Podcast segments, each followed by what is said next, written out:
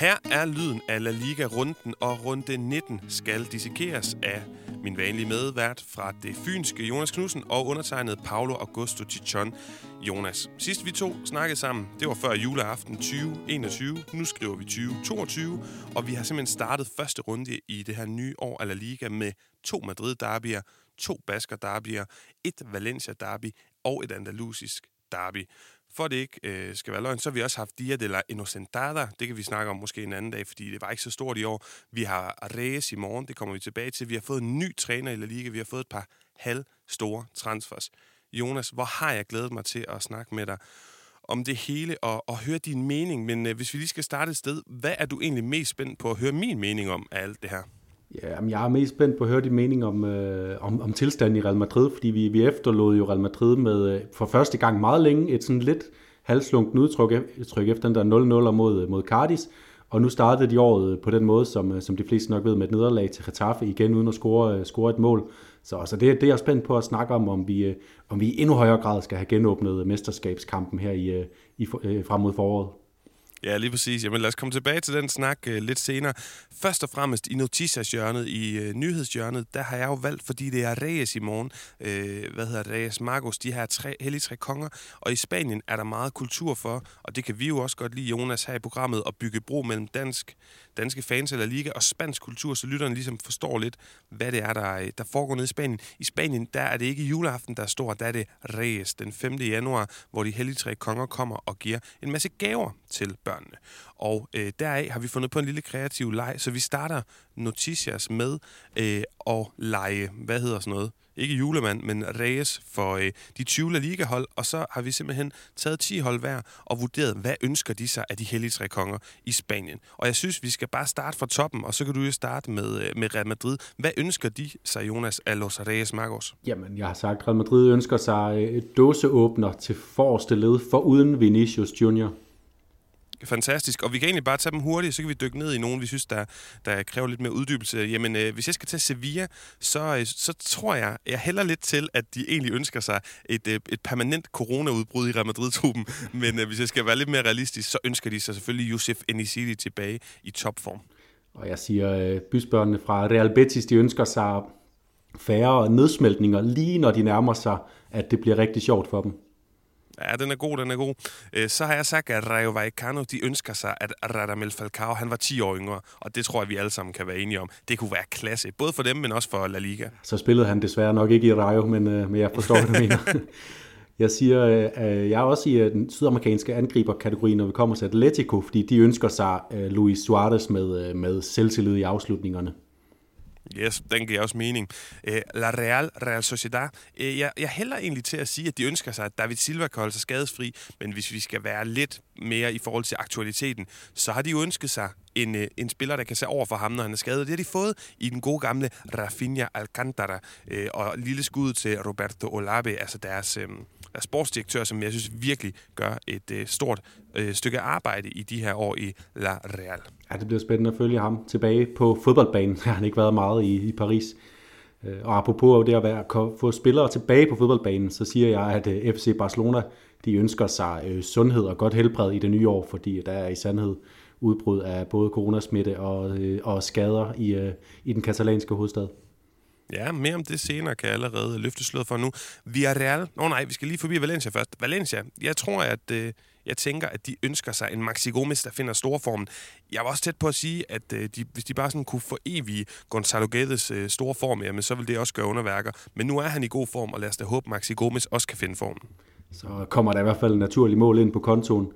Øh, og det, det har Espanyol i form af Raul de Tomas øh, op foran, øh, og Espanyol siger jeg, ønsker sig en plads i Europa i det nye år. Oh, ambitiøst, ambitiøst. Øh, ja, jeg tror, vi er lige ønsker sig, at Jetta Moreno kan holde sig skadesfri. Hold da op en stor forskel, der er på Villarreal med og uden den her fuldstændig fantastiske talisman. Kæmpe kamp af ham. Øh, mandag aften. Atletic. Nu, øh, nu scorede jeg en Sunset hat efter jeg lavede den her, øh, den her ønskeseddel, men jeg siger stadig, at de ønsker sig nogle skarpt slæbende afslutningsstøvler, fordi Sunset laver ikke hat de næste fem gange, og øh, Iñaki Williams, øh, øh Berenguer, Muniain, hvem det end er, de skal til at score på flere af deres chancer, fordi at, øh, hvis, de, hvis de havde scoret på flere af deres chancer, så havde de også ligget op omkring øh, øh noget øh, langt mere spændende, end de gør nu. I hørte det her, mine damer og herrer. Jonas Knudsen melder den, og Jan Sanset fortsætter ikke med at score hat ja, det er våget. Ja, men ja, Ja, det er våget, men øh, jeg ved ikke, om det er våget at sige, at Granada de ønsker sig, at Carlos Bacca han spiller op til sit renommé, fordi det var interessant, synes jeg, det her skifte. Jeg tænkte, at ham, med ham kunne de virkelig øh, få gang i det. Jeg synes jo egentlig, at kolumbianske Luis Suarez og også øh, Jorge Molina har gjort det godt, men det kunne bare være fedt for Granada, hvis de virkelig fik Carlos Bacca, som vi kender ham som tidligere profil i La Liga, op på, øh, ja, på det gamle niveau. Ja, og for anden gang i den her gennemgang går vi fra en sydamerikansk angriber til en anden. Jeg siger Osasuna de ønsker sig øh, endnu mere øh, Jimmy Avila. Nu kom han ind i kampen mandag aften og blev udvist med to gule kort i øh, begge to i overtiden, mener jeg faktisk, da det var. Øh, og øh, man må bare sige, at hvis øh, Osasuna skal have tre point flere gange ud af deres øh, gode bestræbelser, så, så har de stadig brug for, for, for ham, fordi Kika Garcia scorer på en måde. Jimmy, han kan gøre det selv. Den er god, Jonas. Øh, og da jeg gav os de her opgaver, der skrev jeg også til dig, at det, det må gerne være nogle lidt sjove, finurlige, kreative øh, ønsker. Og derfor, jeg har lige købt øh, her før jul sådan nogle, øh, hvad hedder sådan nogle trådløse oplader i IKEA, som man kan lægge telefonen på, og så oplader de lynhurtigt. Og hvis Celta Vigo, de kunne opfinde sådan en til Renato Tapia, så de bare kunne lægge ham på sådan en brix, og så efter et par minutter, så var han fuldstændig klar igen. Så tror jeg, de ønsker sig sådan et apparat, fordi den mand, han er fuldstændig vigtig for deres balance, for at de overhovedet, øh, ja, for de kan score masser af mål med alle de offensive spillere og den tilgang. Men en gang imellem, så skal der også øh, lukkes nogle huller bag til, og det er han om nogen mand, der står for. Ja, de er et meget, meget, meget dårligere hold, øh, hold uden den gode peruvianer. Øh, Mallorca, siger jeg sådan lidt, øh, for, for os lige at få det nævnt, øh, jeg synes, de, de gør mange gode ting. Nu tabte de til, til et reservespækket Barcelona-hold, men jeg siger, at de ønsker sig øh, en tidlig overlevelse, som de har fortjent, øh, for jeg synes, øh, de, de spiller til ikke at skulle komme for alvor i fare, øh, så, så det må stå på deres, øh, deres ønskeseddel. Meget enig. Og øh, så vil jeg hoppe til Getafe, og for at sige det lidt cheeky, de ønsker, de kan spille mod Real Madrid hver eneste weekend. Ja, det, det er de nok de eneste, der i så fald, fald ønsker. Øh, og øh, en, der ønsker sig øh, at spille hver weekend, eller hvis en klubs fans skulle ønske sig en spiller, og spiller hver weekend, så siger jeg, at øh, Elche, de ønsker sig en Javier Pastore i, øh, i form, fordi jeg synes, øh, når man kigger på deres spil, så det de mangler, det er en, der lige har øh, nogle, øh, nogle løsninger øh, til sidst i banen. De har fået stablet udmærket hold på benene. En, der lige kan lave lidt, øh, lidt dåseåbner fra, fra sin, øh, sin, sin tilbagetrukne forward, fremskudte midtbanerolle. Det, det kunne de godt bruge. God pointe. Jeg siger Alaves, øh, også lige for at få den med, ønsker sig, at Luis Rioja, han kan blive Mendilibars, Brian Gil eller Cucurea. Og så kan vi jo lige øh, stoppe op her, Jonas, og lige tage den. Altså, José Luis Mendilibar tilbage, tidligere Eibar-træner. Øh, vi må jo sige, at, at øh, jeg tror, jeg synes, det var en lille bitte smule unfair, at Javier Gaeja blev øh, fyret. Havde i hvert fald nogle gode perioder i efteråret med Alaves, men det så ikke godt ud her på det seneste. Så går de så med Mendilibar. Jeg er ikke sikker på, at han er den typiske brandmand, men øh, mere en, en mand, som vi jo har elsket for det projekt, han havde kørende i A-Bar. Øhm, og, og sådan rent taktisk, der er det der med Rioja, vi har snakket meget om José Lu, men også Rioja med det her venstre ben, altså han kan nogle ting at komme øh, drønende på den her venstre kant, og hvis nu, at, at, at Mendilibar kan kopiere den rolle, som Brian Hill i Eibar og Marc i Eibar havde så meget succes med under ham. Venstrebenet kantspillere, der virkelig er dynamiske, arbejder benhårdt, teknisk stærke. Det kunne være interessant at se Luis Rioja i den rolle, men sådan lige en hurtig, øhm, hurtig bemærkning for dig på, at vi har fået Mendilibar tilbage. Jamen, jeg synes også, det var sjov timing, at øh, det er egentlig efter en af, af Javier Callejas øh, bedre perioder som, øh, som Alaves-træner, at han, at han får sparket, med. jeg tror, Øh, jeg, jeg, jeg har hele tiden synes, det var lidt mærkeligt, at den her mand, som er, hvis fodboldfilosofi stammer fra hans træneroplæring i Villarreal, øh, han skulle stå for det her Alaves-hold, som jo netop er kendt for sådan noget af den samme øh, stil, som Mendelibars Eibar øh, havde med øh, højt aggressivt pres, mange indlæg, øh, sådan, øh, ikke overfaldsfodbold, men bare sådan rigtig angrebsivrigt på sådan en direkte måde. Og, øh, og det tror jeg faktisk, at, at den her Alaves-trup, den passer rigtig godt til Mendelibar, så hvis han hurtigt kan få, få, øh, få, få sparket ind i hovederne på dem, hvad det er, han gerne vil med sin fodboldhold, så tror jeg faktisk, det kan blive, øh, at det kan blive rigtig sjovt for, for Alaves, og blive rigtig sjovt at se Alaves spille igen, fordi det var jo også sådan, vi kendte dem under, øh, under Abelardo, og hvem der ellers var i, for nogle år tilbage, da de, var, da, da de lavede nogle sjove resultater. Ja, Mauricio Pellegrino i den der fantastiske Ja, ja, præcis. 16, 17 sæson. Men Jonas, øh, jeg kan regne ud, du mangler Cadiz, og så tager jeg Levante til sidst. Jeg mangler Cardis, og jeg, jeg siger simpelthen, de, det er nok lidt for sent at sende den her ønskeseddel til, til, øh, til de hellige tre konger, men øh, de ønsker sig en bedre trup. Ja, men altså, man skal jo også bare være ærlig. og øh, for at slutte af også med maner, så vil jeg sige, at Levante ønsker sig at vinde en fodboldkamp. Det er der slet ikke nogen tvivl om. Og, øh, og med det overstået, Jonas, synes jeg lige, vi skal, vi, vi skylder også lige lytterne og os hinanden og, og dykke ned i det her med Ferran Torres. Øh, hvis jeg lige skal starte, han er tilbage i Barcelona, det er fedt. Jeg er fortrøstningsfuld, han er en bred kant, han øh, spiller offensivt, han er en, en, en mand, som jeg også godt kunne tænke mig, at du lige forklarede lytteren lidt om, da, vi, da du så ham, og vi så ham med, øh, hvad hedder det, for sit gennembrud i Valencia. Jeg vil altid have noget mærkeligt for ham, fordi at øh, han scorede hat for det spanske landshold mod Tyskland. Den anekdote har jeg måske fortalt den nat, min søn blev født, og jeg sad og så det med min søn i armene på, øh, på Skyby øh, i Aarhus på hospitalet der. Og jeg tror, jeg tænker, at han faktisk har der har jo været meget snak om det her. Han er en statement-signing øh, eller Ronaldinho i sin tid for Laporta. Det ved jeg ikke, om jeg synes, men der er noget franchise over ham. Jeg ved ikke, om jeg bliver ved med at nævne det her igen, men det er en flot ung mand, der er teknisk dygtig. Han, øh, jeg synes, han sælger sig selv godt som image. Han er en god historie. Øh, Valencia, Manchester City, og så det her, man siger, han har brugt Manchester City som springbræt til at komme tilbage til Spanien. Det synes jeg ikke, man så lige skal undervurdere, hvad der egentlig ligger bag de udtalelser, fordi han er det store, nye, hotte navn i spansk fodbold. Øh, på niveau med Ansu Fati, men Ansu Fati har jo været skadet. Det har Ferran ikke. Han har været i England til tider beviser, scorer masser af mål, og han er løsningen på målproblemerne, også på landsholdet. Så jeg tænker godt, der kan være noget franchise over ham. Men øh, tilbage til dig. Hvad, hvad synes du egentlig om den her signing? Ja, det synes jeg også. Jeg synes jo nærmest, øh, udover hvis man, øh, man fik lukket øh, Gerard Moreno eller Michael Oyarzabal til, så er det så er det det største spanske navn, man vil, øh, man vil kunne hente på transfermarkedet lige nu, hvis vi, hvis vi så også går ud fra, at Barcelona, Real Madrid og Atletico ikke sådan for alvor øh, køber hinandens allerbedste spillere. Øh, så, så er det det største spanske navn, man kan hente, og, og så er det også en mand, der, der løser et, et, et problem, man har lige nu i FC Barcelona, som er de her tre forreste pladser, og hvor at øh, Ousmane Dembélé ikke helt har, øh, helt har slået igennem endnu, efter han er kommet tilbage på skade, og nu ved vi ikke, hvordan det, det her det får indflydelse på hans forlængelse af aftalen i øvrigt, så måske Ferran Torres decideret kommer til at afløse øh, Dembélé. Men Jonas, lad os øh, lukke den ned her, fordi jeg kan godt røbe, at senere der kommer øh, jeg med nogle spørgsmål og nogle jagttagelser omkring øh, det her Ferran Torres øh, kaos, der måske hersker lidt i klubben omkring registrering og så videre. Så lad os tage resten af det senere. Lad os tease for det nu, smid en breaker på, kom til runde gennemgang, og så, tage, så lover jeg, at vi følger op på det senere i dagens udsendelse.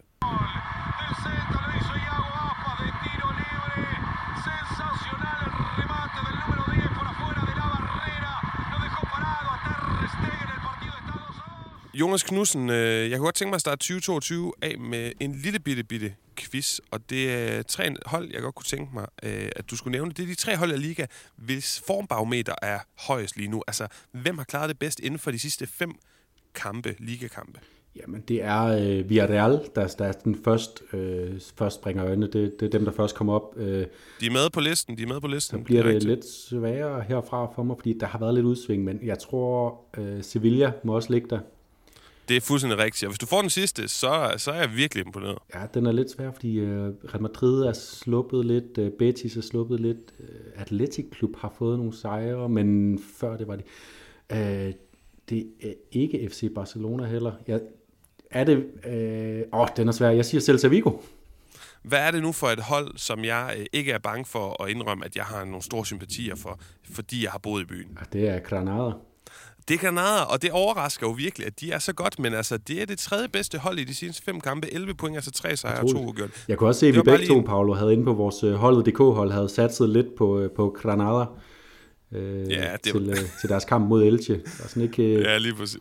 Ja. Nej, men jeg, jeg, I det mindste havde jeg målmanden, og det, og det gav dig et, et clean shop. Men uh, tilbage til Jonas, for jeg vil lige læse rundens resultater op. Uh, fredag aften, det var altså nytårsaftens dag, der fik vi første kamp i den her runde. Valencia, der hjemme tog imod Espanola, tabte 1-2 uh, øhm, på Mestalla Bordaleta, der ellers var inde i en fantastisk periode, og også kom foran, men Hugo Dodo, han blev udvist, og Raul Tomas og Javi Boader sikrede altså et comeback til Los Beticos. Uh, øhm, så søndag, vi havde jo ikke kampe lørdag, fordi La Liga er ikke umenneskelig, ligesom for eksempel Premier League, og man måtte godt øh, have, godt have tømmermænd øh, 1. januar. Og 2. januar, der tror jeg måske stadig, nogle af Real Madrid-spillerne havde lidt tømmermænd, fordi første kamp søndag, altså den 2. Øh, januar, der tabte Real Madrid 1-0 til Getafe på mål af Enes Unal. En, eller en kamp, hvor Militao får en gang skyld får en virkelig negativ hovedrolle, men Ancelottis armé, de var altså også uinspireret helt generelt. Mere om den kamp senere. Øh, bagefter, der øh, vandt Atletico Madrid 2-0 mod Rayo. Det var to gange Korea, og efter rekord mange nederlag på stribe for Simeones mænd, altså ændrede dynamikken og overhældet efterårets overraskelse i La Liga. Senere, Elche Granada 0-0. Ikke så meget at sige der. Granada burde måske have vundet den kamp, men øh, ikke så meget at skrive hjem om. Øh, efter det søndag, der havde vi Betis Celta. Den blev 2-0 til Celta. To mål Aspas score på Benito Villamarin, og Betis, der lige var begyndt at drømme om Champions League, men de her nederlag, de koster altså dyrt, når forfølgerne de vinder. Bagefter havde vi et Basker Derby, Alaves Real Sociedad 1-1 på mål af Janusaj og Joselu. Basker Derby, jeg nævner, hvor La Real tydeligvis stadigvæk mangler Oyarzabal som offensiv dirigent. Bagefter så var øh, Chavis Barcelona-mandskab et smut forbi ferieøen Mallorca, og der scorede Luke de Jong. Han sikrede tre vitale point, den her tiki-takaens nemesis. Mere om Luke de Jong øh, senere. Og mandag altså Villarreal Levante 5-0 Manita på mål af blandt andet øh, Bulay Jella Moreno osv. En magtdemonstration af Los Croquettes, og de er altså tilbage anført af Jella Moreno, Stakkels Levante.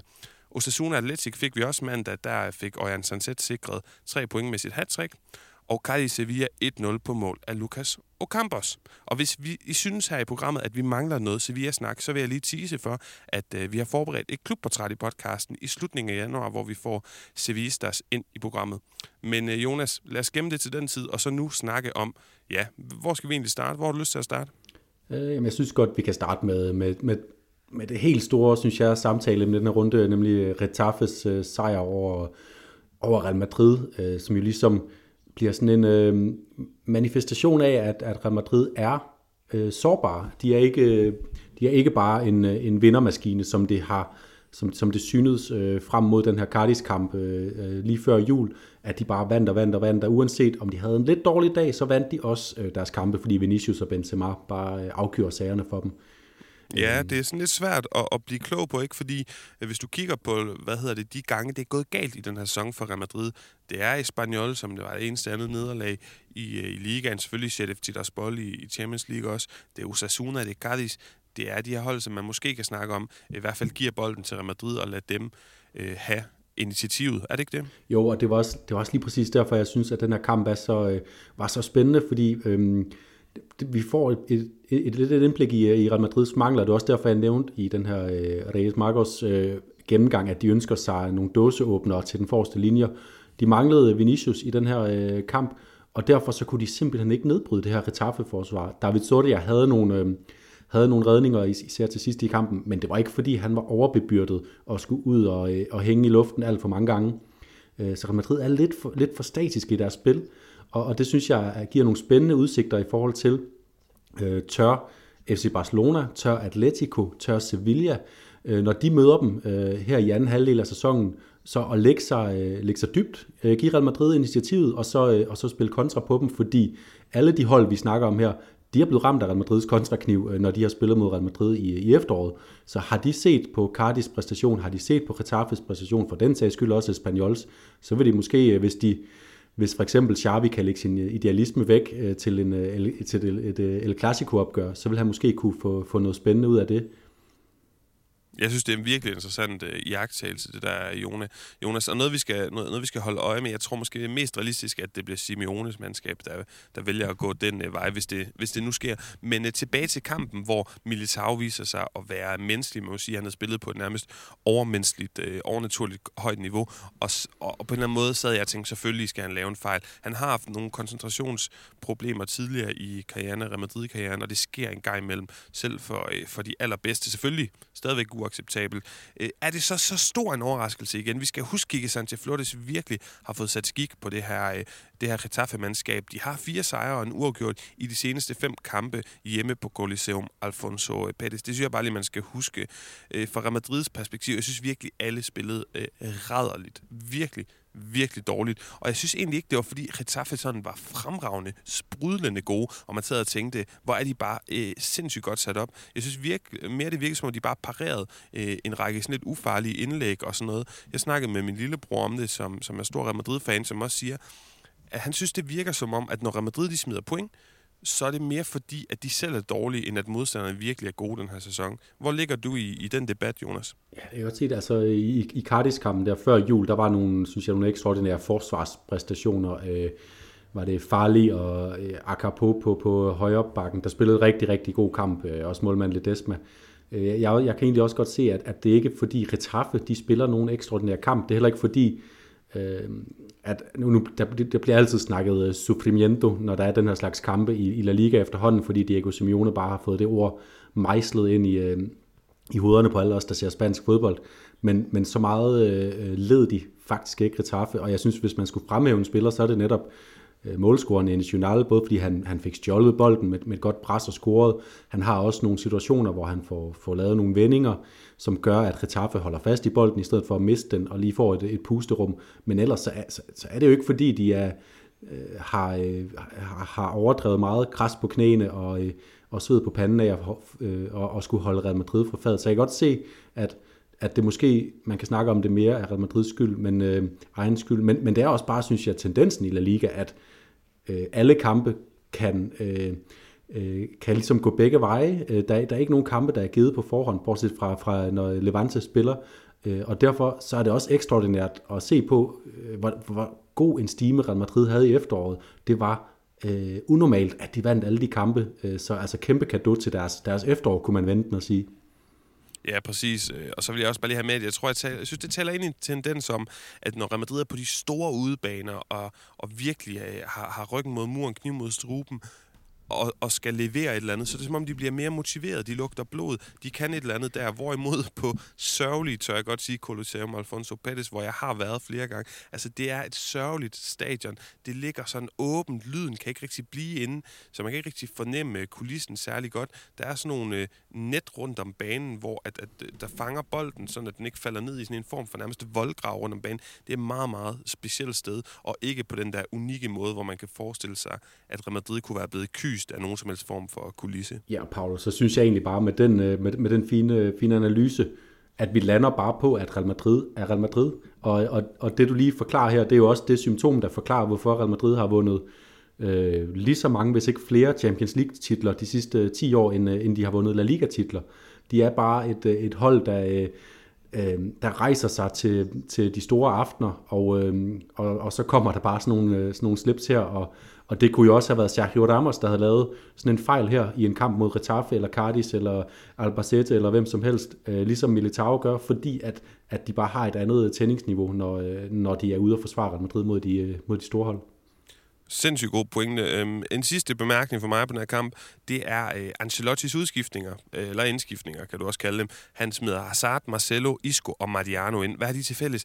De har, altså, han har ingen tiltro til nogen af de fire spillere. Og i teorien helt sindssygt, øh, at Hazard ikke starter den her kamp. Jeg er fuldstændig enig med, med Ancelotti. Jeg havde heller ikke startet ham. Men det er så Yamativo, det er så sigende, at han ikke gør det, fordi øh, Rodrigo Asensio spiller mest til højre. Det kan godt være, at Rodrigo er bedre til venstre, men de har begge to spillet mest til, til højre. Øh, han må forudse en kamp her mod øh, Getafe, der står lavt, og hvor han skal bruge sådan en dåseåbner. Og så er en spiller som Hazard jo, et, burde være den første, men man tænker på Marcelo og Isco også dåseåbner, men jo nogen, han slet ikke har brugt i hele sæsonen. Og så, så siger, siger det jo sig selv, jamen så kan de gå ind og, og ændre sådan en kamp her. Så ja, det er sådan en sidste pointe for mig. Har du en, du skal have med, Jonas, eller skal vi hoppe videre? Ej, jeg er meget enig, og det er også... Øh det er også nogle af de spillere, der står i, i skudlinjen. Og så må man bare sige, Asensio og Rodrigo, som så var valgt foran dem, de gjorde bare heller ikke noget indtryk af, hvorfor at de skal øh, stå foran dem. Så det er bare en stor hovedpine for Ancelotti at finde ud af, hvordan han skal sætte sit angreb op. Jamen, så lad os hoppe videre til øh, endnu et Madrid, der har vi bysbørnene fra Atletico, der vinder 2-0 mod Rayo Vallecano. Øh, før kampen, der bliver Mario Suarez hedret. Øh, med sådan en plakker, sådan en, øh, en flise, der ligger ude foran Vanda Metropolitano. Hvis man går forbi stadionet, kan vil man se. Øh, før i tiden var det meget, da Griezmann spillede i Barcelona, var det Griezmanns, øh, og så Courtois, der nu spiller i øh, Real Madrid, deres plakkers, altså, der er fuldstændig besudlet. Man får en, hvis man spiller spillet over 100 kampe. Jeg ved ikke, hvorfor Mario Suarez først fik den nu. Øh, Falcao bliver hedret med... Øh, hvad hedder sådan noget, klapsalver, da han blev skiftet ind i kampen. Øh, mega fedt at, at se øh, lidt om det, men hvis vi går ind på, på banen, øh, hvad hedder det, Rodrigo de Paul, som jeg synes gjorde det rigtig godt, øh, øh, tog over for Koke Carrasco, havde vel en ny position i den her, øh, i den her kamp, eller hvad, Jonas? Ja, han bliver jo bare skubbet rundt, og uanset øh, hvor han spiller, så, øh, så gør han det godt. Han lå... Øh, øh, som det også øh, gav sig til udtryk, da, da Atletico scorer til 1-0, hvor det er Rodrigo de Paul, der tager øh, et af de her træk, som vi har hørt rygter om, at han gjorde ofte for Udinese, hvor han driver bolden fra sin position i midten ud på en af kanterne, og så finder han, øh, og det er på højre kanten vel at mærke, hvor Carrasco, som jo har spillet øh, en slags venstre wingback øh, det meste af den her sæson, øh, kom i et, i et underlap og fik øh, på magisk vis holdt bolden inde, da, da De Paul finder ham i dybden. Jeg synes virkelig, det her det er et topklassemål, og det vidner om, at Atletico har nogle topklasse offensive spillere, altså Rodrigo Di Paul, som vi ikke har set meget til i, i efteråret. Carrasco har spillet godt. Lemar spiller også godt den her kamp, har spillet godt i efteråret. Og øh, vi ved, vi ved bare, eller jeg har i hvert fald sagt mange gange, at når, hvis det kommer til at klikke for alle sammen, og hvis Simeone finder ud af at spille dem på den rigtige måde og på samme tid, så er Atletico et virkelig godt hold, og det synes jeg de faktisk de var i, øh, i den her kamp, selvom de var lidt lang tid om at, om at komme i gang. Og man kan jo også begynde at læse mange ting ind i den her sejr. Altså, Correa, der scorer to, øh, er han virkelig den vigtigste spiller i offensiven. De spiller kun med to midterforsvar i den her kamp, og skal man læse for meget ind i det, altså kan Hermoso bare stå den ene af de to midterstopper selv og så videre. Jeg tror, jeg vil være lidt påpasselig med at læse for mange ting ind i den her sejr. Øh, det er flot, og vi forventer, at Atletico forbedrer sig i løbet af foråret, men Rayo Vallecano, som er efterårets store åbenbaring i La Liga, og som de jo så hopper over og stjæler deres fjerdeplads med den her sejr, der må vi bare lige huske en ting de er altså nat og dag forskel på Rayo, om de spiller ude og hjemme. Det siger statistikkerne, det siger alle de kampe, de har spillet i efteråret. Og det her var sjovt nok en udekamp på Vanda Metropolitano, og der, ja, de er ikke gode som udhold. Det var egentlig bare det, der var min, min overordnede pointe. Hvor meget skal vi lægge i den her øh, 2-0-sejr, Jonas, som jo ligner en fuldstændig klassisk øh, ja, hvad hedder sådan noget, arketypen på et, et Cholo Simeone-resultat? Jamen, øh, jeg vil også være, øh, jeg vil heller ikke ligge for meget, at vi skal se flere, øh, flere præstationer fra Atletico den kommende tid. For eksempel, vi så jo også i begyndelsen af den her sæson, Correa kom på måltavlen nogle gange, og vi stillede os selv spørgsmålet, er han nu øh, trådt ind som målscorer? Det var han ikke, så altså, der er ikke noget, der indikerer, at, at vi kan være sikre på, at han bliver ved med at score mål den, den kommende tid. Øh, og så er der Lodi, som spiller en rigtig god kamp men øh, vi har bare set ham være overmatchet, når, når, når Atletico spiller mod, mod bedre modstandere, så, så i forhold til det her med at spille med to midtstopper og, og to deciderede bakker, Tobias så jo et rigtig god ud på højre bakken, øh, igen måske på vej tilbage i form, og måske på vej væk fra Atletico, øh, hvem ved? Ja, det, fry, det frygter jeg jo lidt, Jonas, fordi det virkede meget som om, at, at han, han sådan klapper sig selv og klapper ud til tilskuerne. Jeg synes godt nok, det lugtede meget farvel de scener, vi så med ham, og det vil det er for det første synd, fordi han er så afgørende for Atletico Madrid. Det er også synd gange to på et andet niveau, fordi det betyder helt sikkert, at Marcos Llorente skal ned og spille højre vingbak, og det kan jeg ikke fordrag, fordi man mister så meget af det gode ved Marcos Llorente. Og for det tredje, hvorfor vil du til Newcastle? Det forstår jeg bare overhovedet ikke. Det, jeg valgte også Atletico Madrid over Newcastle, selvom man øh, måske skal løbe lidt flere meter øh, øh under, under Simeones regime. Men øh, det betyder jo, at hvis de sælger øh, Trippier, så skal Atletico Madrid ud og, og investere, og de skal ud og investere i, øh, i en en højkvalitets højre bak. Altså de skal ud og bruge øh, et par hundrede millioner på at finde, øh, finde en rigtig øh, løsning. Jeg ved ikke lige, jeg har ikke lige tænkt over, hvem det kunne være, men, men, men det bliver de nødt til, fordi de kan ikke binde sig an på Marcus Llorente, og, øh, og så at det skal være Simi Rizalko, når de skal spille med en firebakkæde, fordi øh, øh Rizalko på den højre bak og Lodi på den venstre bak, så, øh, så kommer man ikke øh, i nærheden af mange titler. Det, det tør jeg godt sige, selvom Lodi igen altså så god i den her kamp, men det gør han bare ikke i de store kampe, og det, det, der, der skal meget til for at overbevise mig om, at han, øh, at han skal være sådan en øh, onset i galler, når det kommer frem til de afgørende faser i Champions League øh, for, for Atletico Madrid. Det, det skal, der skal meget til. Og en anden ting, der peger på, at, at vi måske ikke ser Atletico Madrid vinde de næste fem kampe, sætte en steam sammen. Luis Suarez afslutninger, og jeg nævnte dem op i toppen. Han har i hvert fald to afslutninger i første halvleg, hvor han simpelthen er på øh, lavere niveau, end, øh, end jeg nogensinde har set i bunden af den danske Superliga. Det er, øh, det er, hvor han har nogle fine intentioner, og så rammer han bolden helt forkert. Altså helt skørt, han rammer bolden. Den ene, hvor han prøver at krølle den over i, i modsatte hjørne, og rammer den sådan på baghælen, så den bare triller ind til målmanden.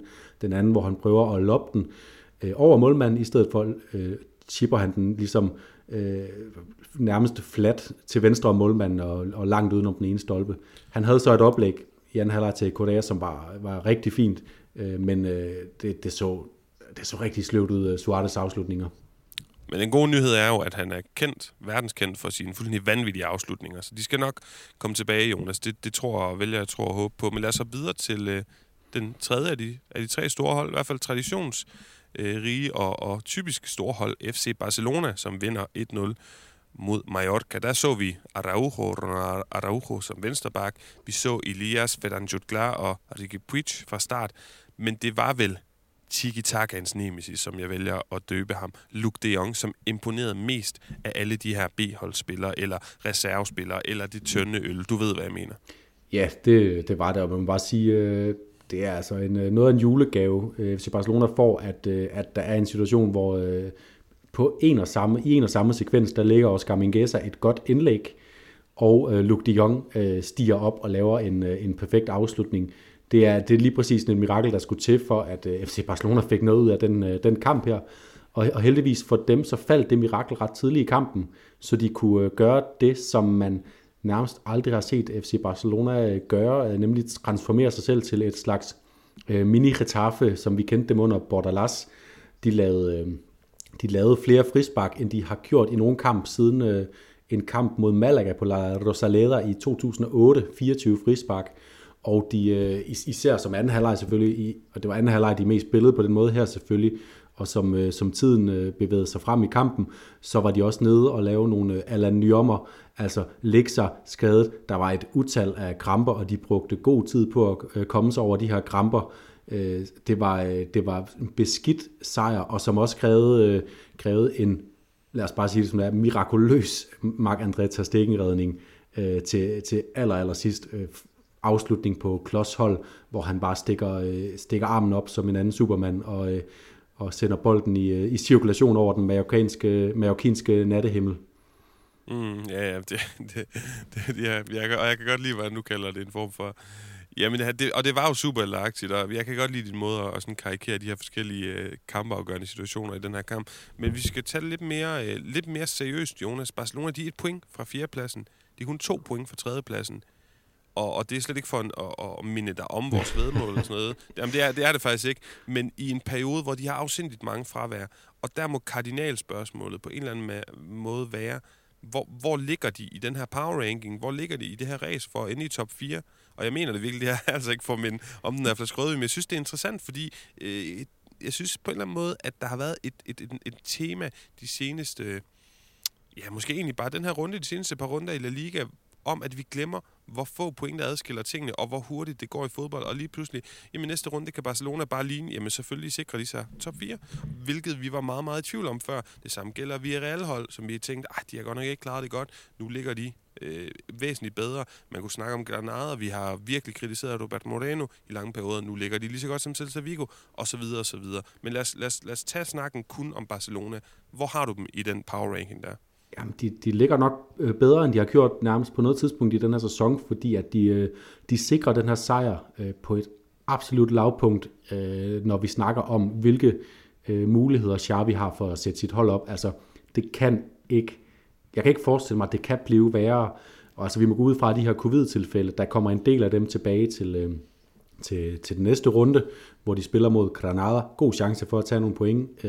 alt imens så spiller Atletico mod Villarreal, øh, en kamp, jeg øh, kommer tilbage øh, til øh, senere i min forudsigelse. Og øh, så kommer øh, så spiller Real Betis den svære udkamp i, i Rayo, som vi lige snakker om på deres, øh, deres fort.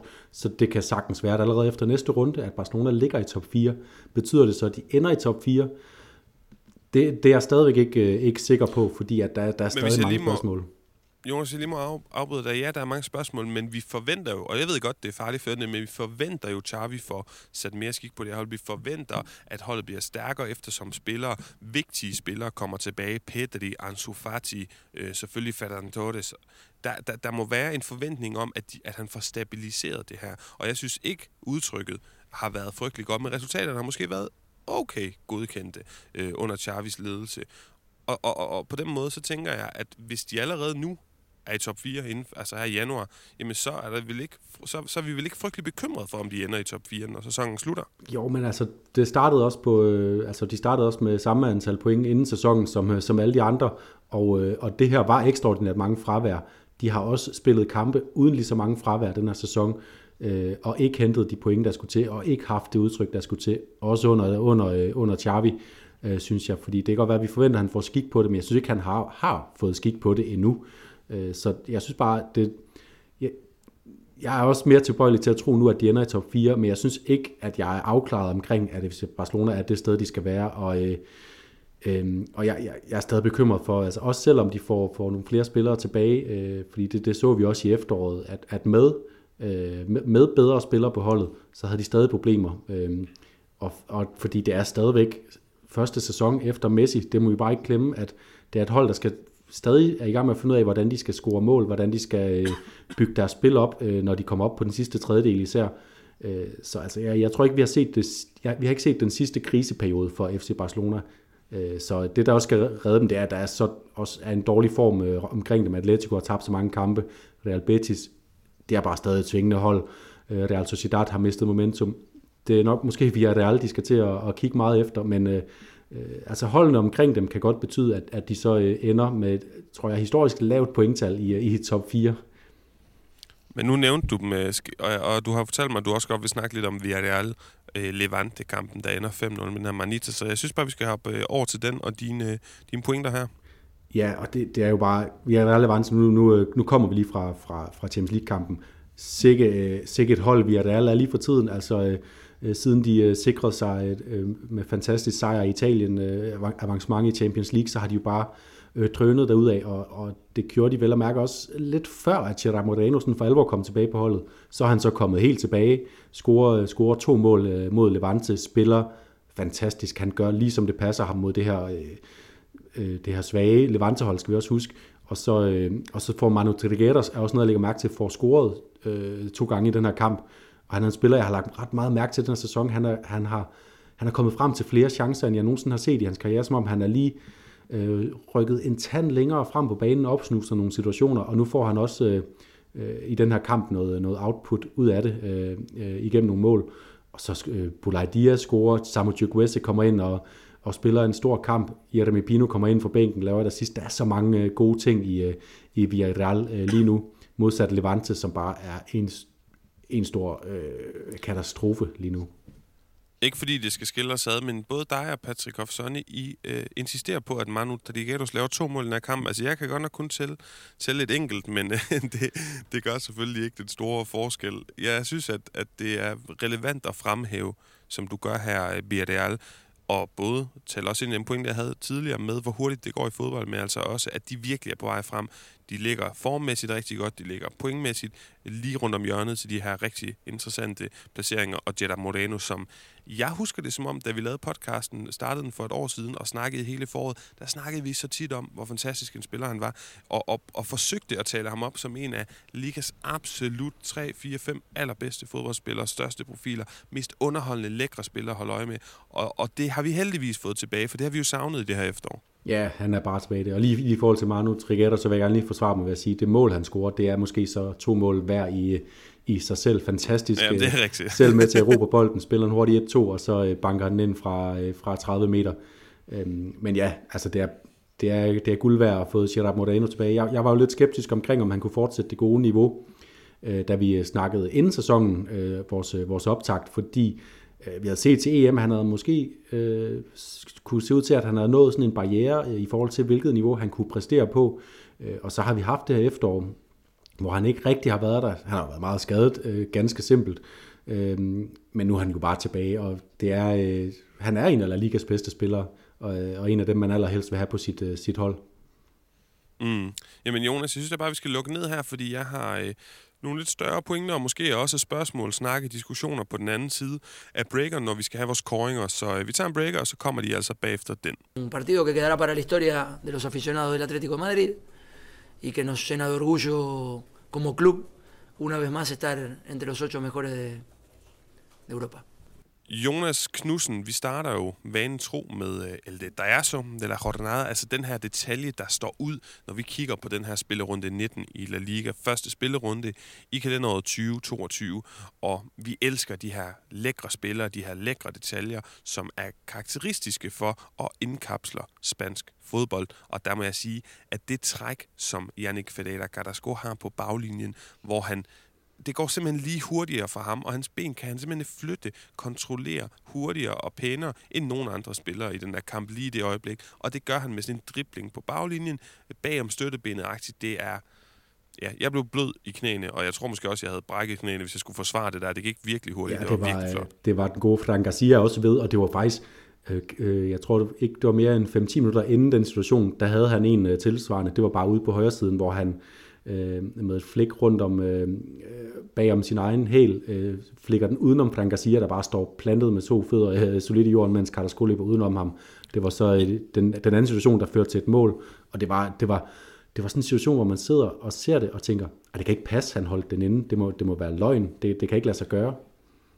Jeg sad nemlig også lang tid efter og tænkte, øh, hvornår snakker kommentatorerne, eller, eller ser man fra kampen og dommerne, at de siger, at den var udover. Og en anden ting, jeg har ham lidt mistænkt for, og det er ikke nødvendigvis negativt, at være sådan lidt en, en filthy spiller, som man siger på engelsk. Altså sådan lidt, at, han kan faktisk rigtig godt lide at ydmyge sin modstander. Hvad, hvad, er du uenig der? Det tror jeg, han ligner ikke en, der er sjov at, at, at spille, spille kanten med til træning. Øh, det, han, han, går efter, øh, han går efter ydmygelsen. Han har jo lavet nogle helt vilde ting den her sæson. Han er han er uden tvivl, han er, han er sådan øh, La Ligas uh, Zlatan uh, Ibrahimovic lige nu med, med sådan små træk, han kan lave dybt ind i modstandernes felt. Det er, det er som om bolden bare er, er klistret til ham, og der er sådan en, en zone udenom ham, hvor, hvor, hvor forsvarsspillerne ikke rigtig kan, kan træde ind, fordi han er så hurtig på fødderne. Jeg, jeg er meget, meget, meget imponeret af Carrasco for tiden. Det må jeg, det må jeg bare sige. Men øh, vi skal have din det, der er så. Ja, og den går altså til... Øh, jeg bliver nødt til at, at honorere Marc-André Ter Stegen, Øh, Øh, både fordi det er en fuldstændig vanvittig redning. Det er en høj bold, der kommer ind, og så er det en flugter øh, fra, fra meget, meget, meget tæt hold. Så der er så meget kraft på det skud. Han reagerer med sin arm. Det er ikke bare en bold, der rammer ham. Han reagerer med sin arm for at sende bolden afsted.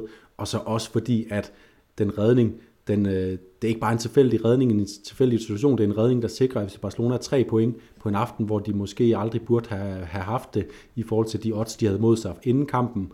Og, øh, og man kunne også se på både spillernes reaktion i situationen og efter kampen, hvor at, øh, der bliver meldt om, at 70% af den her sejr var, var Tastekens på grund af den redning der.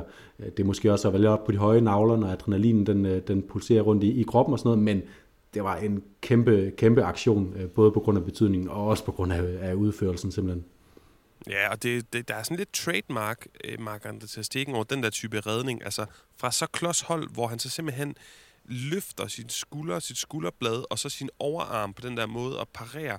Han har ikke underarmen og, og hånden med. Det er virkelig imponerende, meget, meget flot, og jeg er enig i, at man skal fremhæve og, den Jonas. Og vores arme var nok, øh, vores skuldre var nok gået af led, hvis vi havde øh, stillet os op på den måde foran, foran det ja, jamen, helt klart, for at fortsætte den her tematik om, øh, ja, øh, hvordan vores kropsdele ikke kan følge med i La Liga, på La Liga-niveau. Men øh, lad os hoppe videre til El Juron de la, de la Jornada. Der er jo mange, der har gjort det rigtig godt. Angel Correa, Iago Aspas, Jetta Moreno øh, og Jan Sanset. Hvem, hvem har du egentlig øh, fremhævet og gået med her?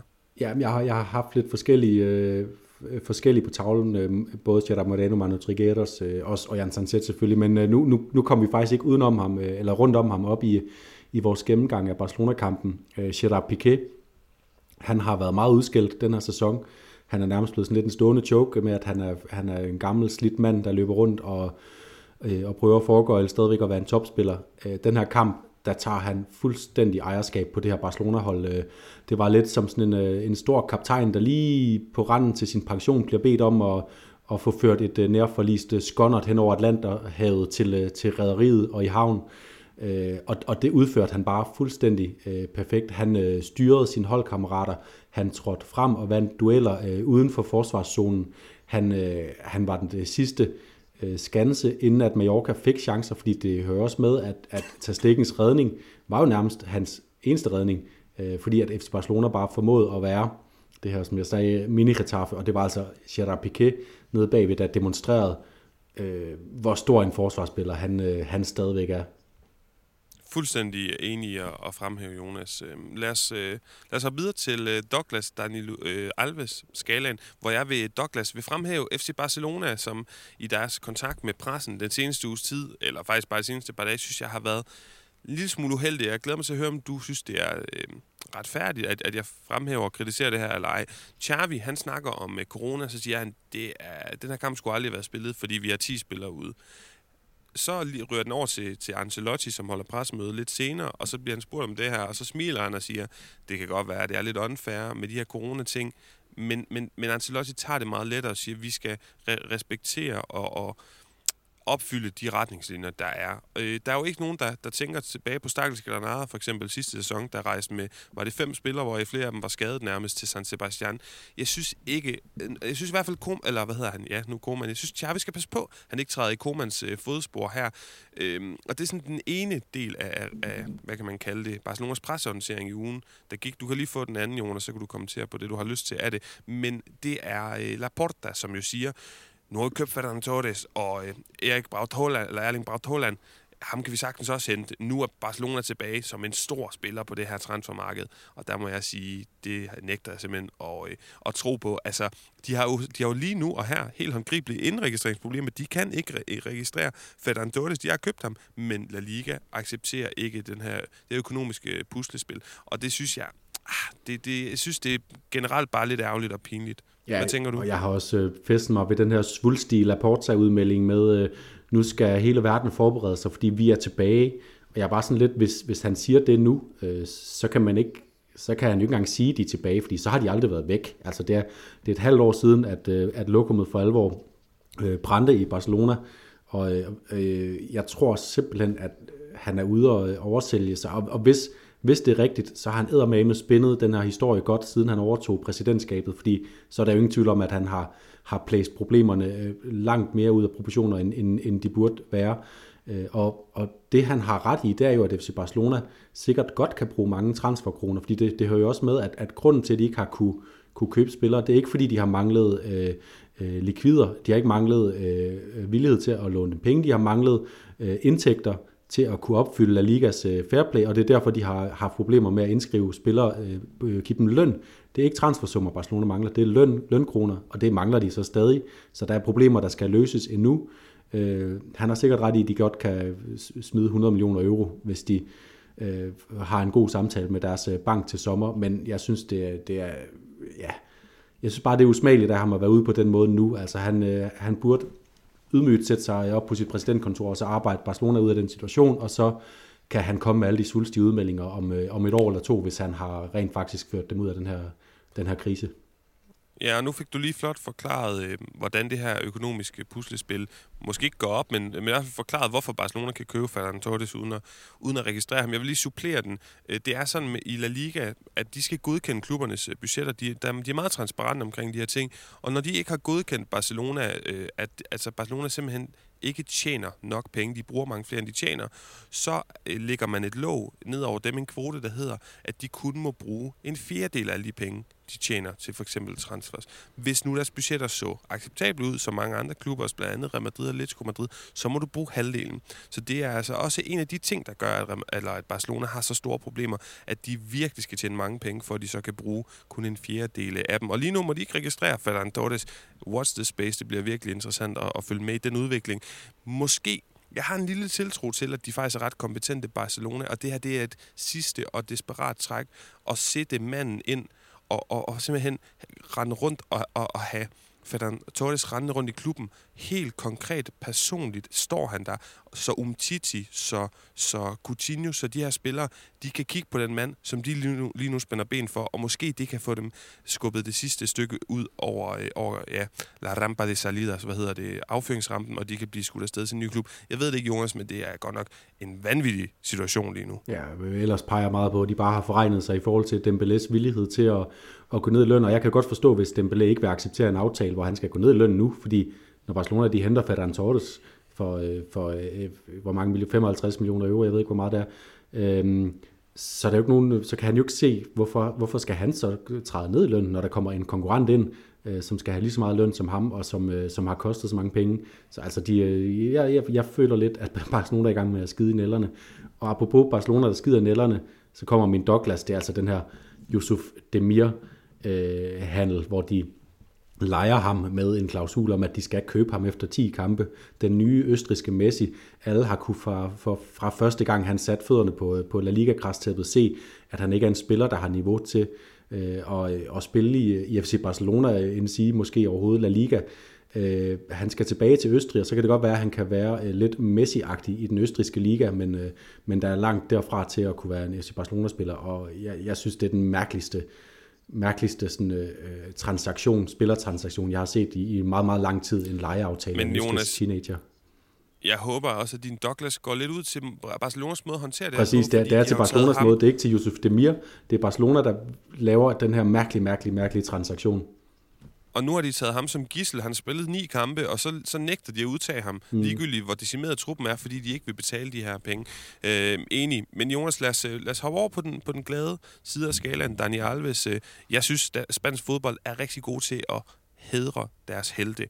Der er Palcos, der er opkaldt efter spillere og tidligere legender, Placas, Gradas, Puertas, træningsanlæg, B-hold, stadion osv. osv. Og det så vi jo i den her runde, som jeg har nævnt, Falcao, der bliver hyldet med øh, applauser, Mario Suarez, øh, der får sin plakker, og så altså, jeg ved ikke om du så det, men øh, før den her kamp på Son øh, Moich, øh, altså Mallorca Stadion, Barcelona-Mallorca, i går, øh, eller i forgår aftes, der, blev, der var et to til stede jo. Et to, som har spillet for begge klubber, og som øh, der blev sådan en, der var sådan en kæmpe muraya, hvad hedder sådan en kæmpe mur, hvor, der, hvor han var blevet malet kæmpe stort portræt af ham i en Mallorca-trøje, som, øh, ja, som blev offentliggjort. Og det synes jeg er fedt. Jeg synes virkelig, at spansk fodbold er god til at, at hedre sine helte. Ja, det er, det er mega fedt. Og Eto'o, som jo vandt uh, Copa del Rey med Mallorca, Champions League med Barcelona, så uh, helt fantastisk, at de kan uh, også gå sammen i kampen om at, at hylde uh, en af der, deres begge tidligere helte. Mine, øh, mine øh, Alves, den er faktisk lidt i forlængelse af din Douglas øh, til, jeg, jeg fortsætter med at være efter, efter Barcelona af et eller andet årsag, øhm, i, i forhold til deres brok over corona, fordi det var, da, da jeg sådan, jeg frygtede jo virkelig, hvad var det for nogle opstillinger, vi skulle se i den her runde, og når man så rent faktisk øh, begyndte at se, hvem stiller øh, de forskellige hold med, så synes jeg faktisk bare, at der var rigtig mange fine opstillinger. Det kan godt være, at der var nogle covid-fravær, men værre var det heller ikke. Der var øh, Barcelona, som var særdeles hårdt ramt. Der var Cardis, der var lidt ramt, havde en, en, en, en, ungdomsspiller på, på højre bak. Rayo var til dels også ramt, havde mange spillere inde, som havde få minutter i benene. Levante også med, med lidt um-, ungdomsspillere på banen. Men alt i alt, så var det altså nogle rigtig fine opstillinger og nogle rigtig fine øh, La Liga-kampe.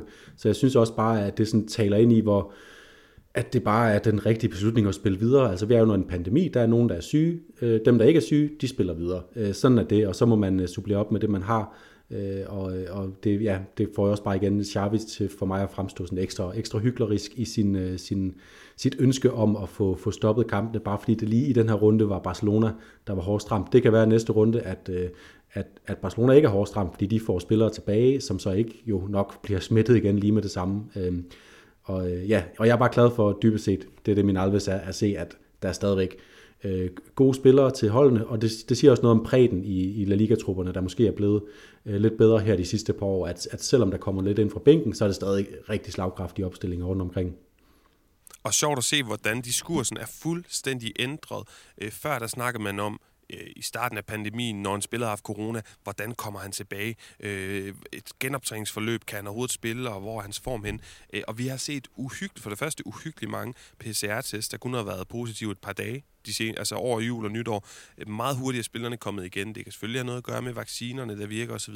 Men også helt vildt interessant, hvordan både en enig dansk og international og spansk presse er blevet så sensationslysten, at det kun handler om at skrive om corona for fraværende, men ikke alle de prøv lige at tænke over, hvor mange kampe vi har set den her runde, Jonas, med spillere, der havde corona positiv for 4-5 dage mm. siden, og spiller fra start, og spiller 70, 80, 90 minutter på så højt et niveau. Og der er ingen, jeg har ikke hørt en eneste selv spørgsmålstegn ved deres kampform. Det er fuldstændig glemt nu. Og det synes jeg er meget interessant. Det er endnu et eksempel på, hvor hurtigt tingene går ja, både i vores samfund og i, øh, og i fodbold generelt. Men hvis du synes, øh, og du er klar, så synes jeg, at vi skal hoppe til forudsigelserne, og det kan være, at du lige skal forklare lidt, fordi det bliver nyt i øh, det her kalenderår, hvad det er, der har ændret sig i vores øh, forudsigelser, som vi jo slutter hvert øh, program af med. Ja, fordi det er sådan, vi, øh, vi har traditionelt set valgt en kamp hver, hvor vi øh, forudser et øh, udfald, måske også med en... Øh, med sådan en lille øh, note om, hvordan vi tror, det kommer til at udspille sig. Det gør vi stadigvæk.